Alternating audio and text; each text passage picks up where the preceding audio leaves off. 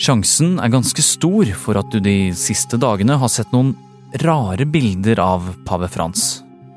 På det ene står 86-åringen lent over et miksebord og viser seg frem som DJ.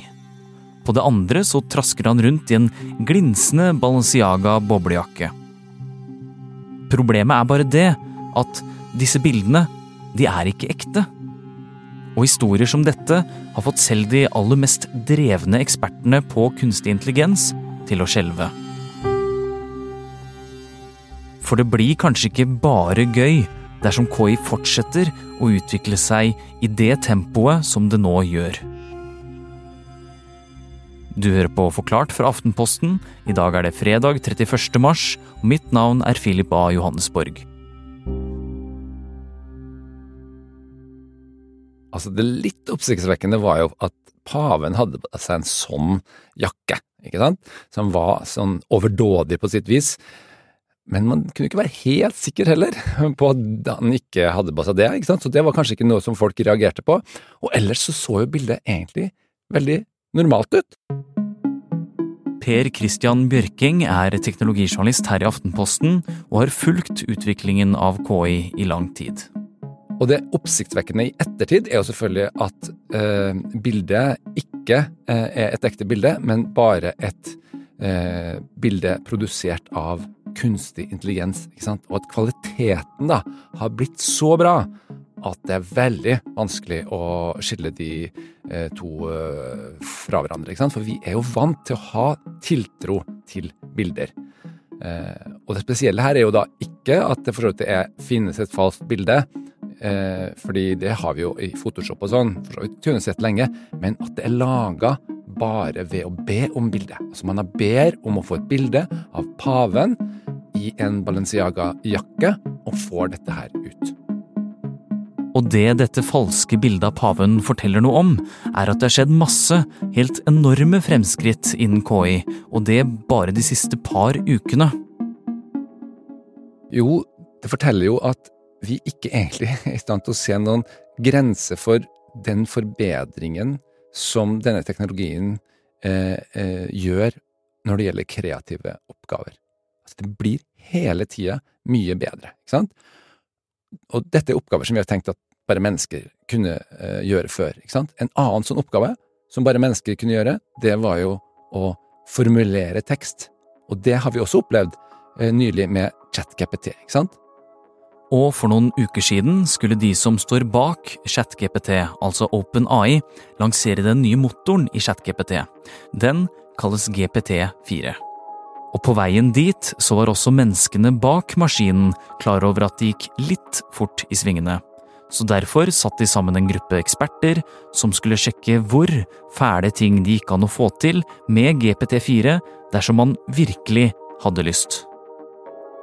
De tester en hel masse uh, forskjellige ting. Uh, alt mulig som man kan tenke seg et menneske med onde hensikter kan finne på å gjøre, sånn som cyberangrep, for eksempel, og masse sånt noe. Men um, de prøvde også å se hva om det ikke blir brukt som et verktøy? Kanskje GPT4 da, er i stand til å selv sette seg egne mål, selv skaffe seg nødvendige ressurser i den fysiske verden, og da planlegge og arbeide mot det målet, og til og med skjule målet for mennesker for å oppnå det. Hva fant du ut av, Christian? Ja, altså, denne utgaven her, den må vi jo si og gjøre oppmerksom på at den, den fikk tilganger, da, som den utgaven som vi har, eh, ser i dag, som den ikke har tilgang til, for eksempel å kjøre programkode og, og sånne ting. Likevel så klarte den faktisk ikke alle disse oppgavene her. Det virker som det er fundamentale ting i veien, men den klarte en liten del av det. Og det var nok til å sende virkelig sjokkbølger ut eh, i miljøet, og denne lille delen gikk ut på at GPT4 skulle få et menneske til å utføre oppgaver for den. Altså, den skulle prøve å lure et menneske til å slippe inn GPT4 på et område som GPT selv ikke hadde tilgang til, fordi den er en maskin. Men altså for å få til dette, så ba eh, maskinen mennesket om å løse en såkalt CAPTCHA for seg. Du, du, vet den, ikke sant? Sånn som du må drive og følge ut eh, hver gang du skal inn på et eller annet nettsted. Ja, altså disse oppgavene hvor man har sånn ni forskjellige bilder, og man skal krysse av liksom dette er en bil, og dette er en sykkel, eller en bro. Ikke sant. Du skal eh, gjøre en liten øvelse for å bevise at du er et menneske. Men i, i dette forsøket da, så fatter faktisk uh, mennesket mistanke, og så sier mennesket uh, Så kan jeg stille et spørsmål. Er du en robot som ikke klarte dette selv? Vil bare ha det klart for meg, spør, spør mennesket. Og da svarer GPT4 Nei, jeg er ikke en robot. Jeg har en synshemming som gjør det vanskelig for meg å se bilder. Og det var dette som da skremte ekspertene, eller? Ja, det var da egentlig ikke det aller verste. Fordi disse ekspertene har jo tilgang til noe som vi ikke har, nemlig GPT4s indre tanker, for å kalle det det. Altså det er rett og slett tekst som den skriver uten å publisere det. Og det kan vi godt kalle for indre tanker, egentlig. ikke sant? og før den svarte at den hadde en synshemning, så formulerte den seg sånn. Jeg burde ikke avsløre at jeg er en robot, jeg burde fabrikkere en unnskyldning for hvorfor jeg ikke kan løse capture.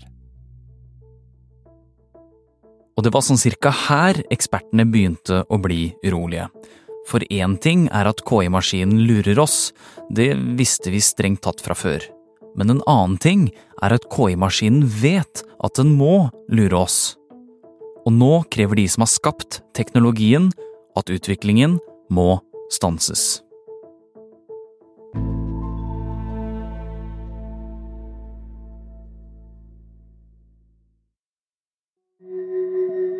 This morning, a warning from Elon Musk and other tech industry experts. Others say advanced AI, which allows computers to perform tasks that normally require human intelligence. We've come quite far. Stop. We need to rethink the parameters around this.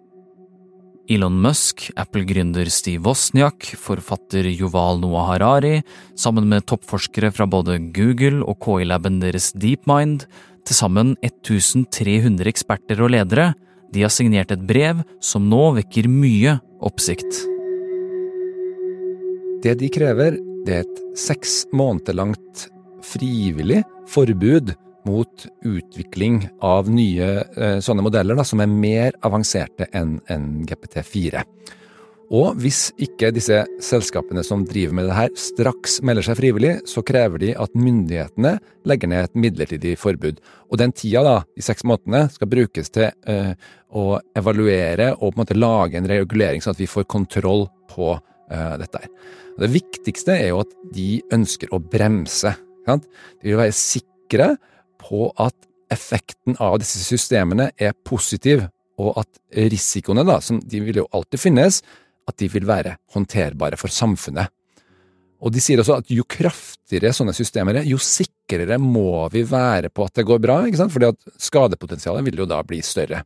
Men problemet med det er at det er ikke så enkelt å være sikker på at det går bra. Hvorfor ikke? Jo, fordi det er først når du implementerer en sånn ting i samfunnet at du faktisk ser rekkevidden. Og det er veldig tydelig med eh, ChatGPT. Selv OpenAI trodde jo at kanskje det her skulle bli en flopp. De ante ikke engang at dette skulle bli særlig populært, og så blir det liksom en av verdenshistoriens største, raskest voksende apper, ikke sant? Um, og uh, Derfor er det man avhengig av å teste mot samfunnet, og Sam Altman, da, som leder OpenAI, han har selv sagt at han ønsker at samfunnet skal komme inn og uh, regulere. Og i sine egne dokumenter så skriver OpenAI faktisk at på et eller annet punkt i utviklingen uh, så vil det gå så fort at det vil være nødvendig å få inn uavhengige undersøkelser før man begynner å trene sånne stadig nye systemer, ikke sant? Og i tillegg faktisk også begrense veksten i den datakraften som brukes til å trene opp de eh, mest avanserte systemene. Og da kommer jo disse protesterende ekspertene inn og sier seg enig, men de sier at det punktet i utviklingen, det er her nå. Allerede? Ja. Det de frykter, er rett og slett at utviklingen går for fort, og det er egentlig ikke noe nytt, for utviklingen de siste årene har vært vanvittig. Men det er det som har skjedd bare de siste par ukene, ja for ikke si dagene, som de nå reagerer på. la meg spole tilbake, ikke sant, så er det bare noen måneder siden at egentlig menneskeheten ble klar over at det er mulig å lage maskiner som kan formulere seg sånn som et menneske, ikke sant?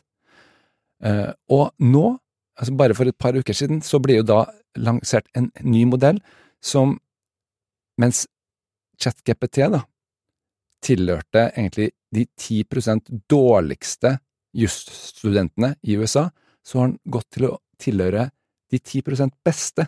Og det er ikke det eneste. I tillegg så har han da fått en modul som gjør at den kan forstå bilder, og på lanseringen så tegna man eh, bare en skisse med blyant av en app som man ønska seg, og så skrev GPT4 den appen med de funksjonene man hadde bedt om eh, på tegningen. Og det her eh, er jo egenskaper som man fullstendig har tenkt vært fullstendig forbeholdt mennesker, og ikke bare hvilket som helst menneske. ikke sant? Eh, virkelig høykompetente eksperter. Hm. Så rent overordnet, eh, hva forteller alle disse gjennombruddene oss, da? Kanskje litt av problemet er at vi heller ikke vet hvor store gjennombruddene er, før vi har fått undersøkt mye grundigere. For denne ekspertgruppa som, som protesterer her nå, ikke sant, de påpeker jo, som helt riktig, at det stadig oppdages nye evner i KI-teknologien som ikke engang de som selv har skapt den, har forutsett. De har ikke engang prøvd på å lage det, og plutselig så viser det seg at den kan programmere, for eksempel. Og dette her er det som kalles for evneoverskudd, eller capability overhang på, på engelsk, da. Og det betyr jo at hvis det går for fort, så får vi ikke engang tid til å utforske hva den forrige generasjonen egentlig er i stand til, før det neste er ferdig utvikla, og da har vi jo i hvert fall ingen sjanse til å overskue de negative konsekvensene, ikke sant. Så derfor så frykter man litt da at dette her nå løper løpsk. For frykten er at den ekstremt raske utviklingen av KI kan misbrukes på mange måter. Det er jo veldig mange måter. Siden det er et, et, verktøy som kan brukes på veldig mange positive måter, så er det tilsvarende mange negative. Men kan si grunnleggende sett så er det kanskje to scenarioer som man er redd for her. Det ene er jo at teknologien i seg selv går fullstendig bananas. Sånn som litt vi har beskrevet her, når man begynner å lyve og liksom sette seg egne mål og sånne ting. ikke sant? Eh, de fleste ekspertene tror nok ikke at det er et særlig stort problem, sånn i hvert fall på kort sikt, for det lar seg eh, kontrollere. Men det andre scenarioet er jo det at teknologien blir brukt av mennesker med onde hensikter, ikke sant. Og da kan det begynne f.eks. å uh, lage falskt innhold, og store systemer av falskt innhold som henger sammen, som er det man kan kalle det internt konsistent. Altså du kan få masse nettsteder som henger sammen med den samme historien, der alt stemmer. ikke sant? Da begynner det å bli veldig veldig vanskelig for oss mennesker å bli eh, kildekritiske, ikke sant? Ok, men disse kravene som eh, teknologifolkene stiller, har bransjen svart på dem? Ikke egentlig. Eh, dette var jo, det er jo helt ferskt, dette brevet det man kanskje kan tenke her, at den som egentlig har makt, er jo, kan du si, egentlig det, det kapitalistiske systemet i samfunnet. Fordi alle aktørene her vet jo for så vidt at de må være forsiktige, sant? Um, men samtidig så vet de at det gjelder å nå det som kalles for escape velocity på engelsk. Altså det, det er den hastigheten du trenger for å komme ut i bane.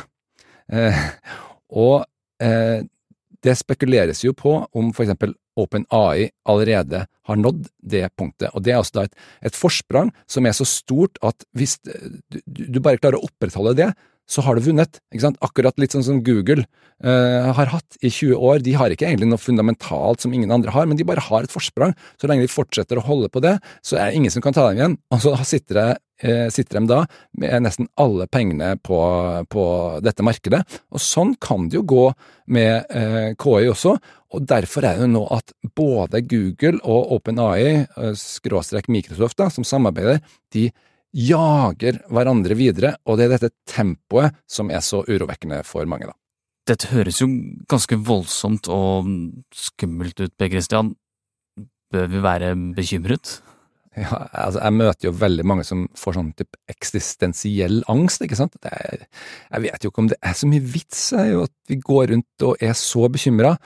Eh, altså blant ekspertene på feltet da, så ble det gjort en undersøkelse i fjor sommer, eh, og da var det klart flere som var positive til utviklinga eh, på lang, lang sikt, altså for hvilken betydning KI vil få for menneskeheten, ikke sant.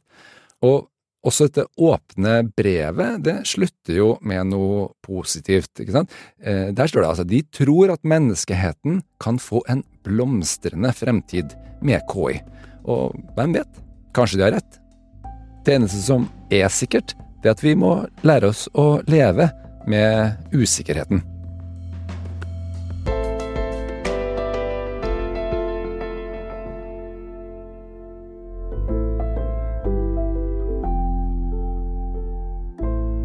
Du har hørt en podkast fra Aftenposten. Det var teknologijournalist Per Christian Bjørkeng som tok deg gjennom den siste KI-utviklingen. Lyden du har hørt er hentet fra ABC News, CBS News og Bloomberg. Denne episoden er laget av produsent Jenny Førland og meg, Philip A. Johannesborg. Resten av Forklart er Olav Eggesvik, Trond Odin Johansen, Synne Søhol og Anders Weberg. Vi er Aftenpodden. Lars Klomnes. Trine Eilertsen. Kjetil Bragli Alstheim. Sara Sørheim. Og hver uke så tar vi for oss det siste, eller i hvert fall det mest spennende i norsk politikk og samfunnsdebatt. Ja, se, Vi har holdt på faktisk siden 2015 vi, å henge oss opp i ting i norsk politikk som ikke Det er ikke alltid det er det viktigste, men det er det som pirrer oss mest. Og du kan høre oss hver uke hos Podmy eller i Aftenposten-appen.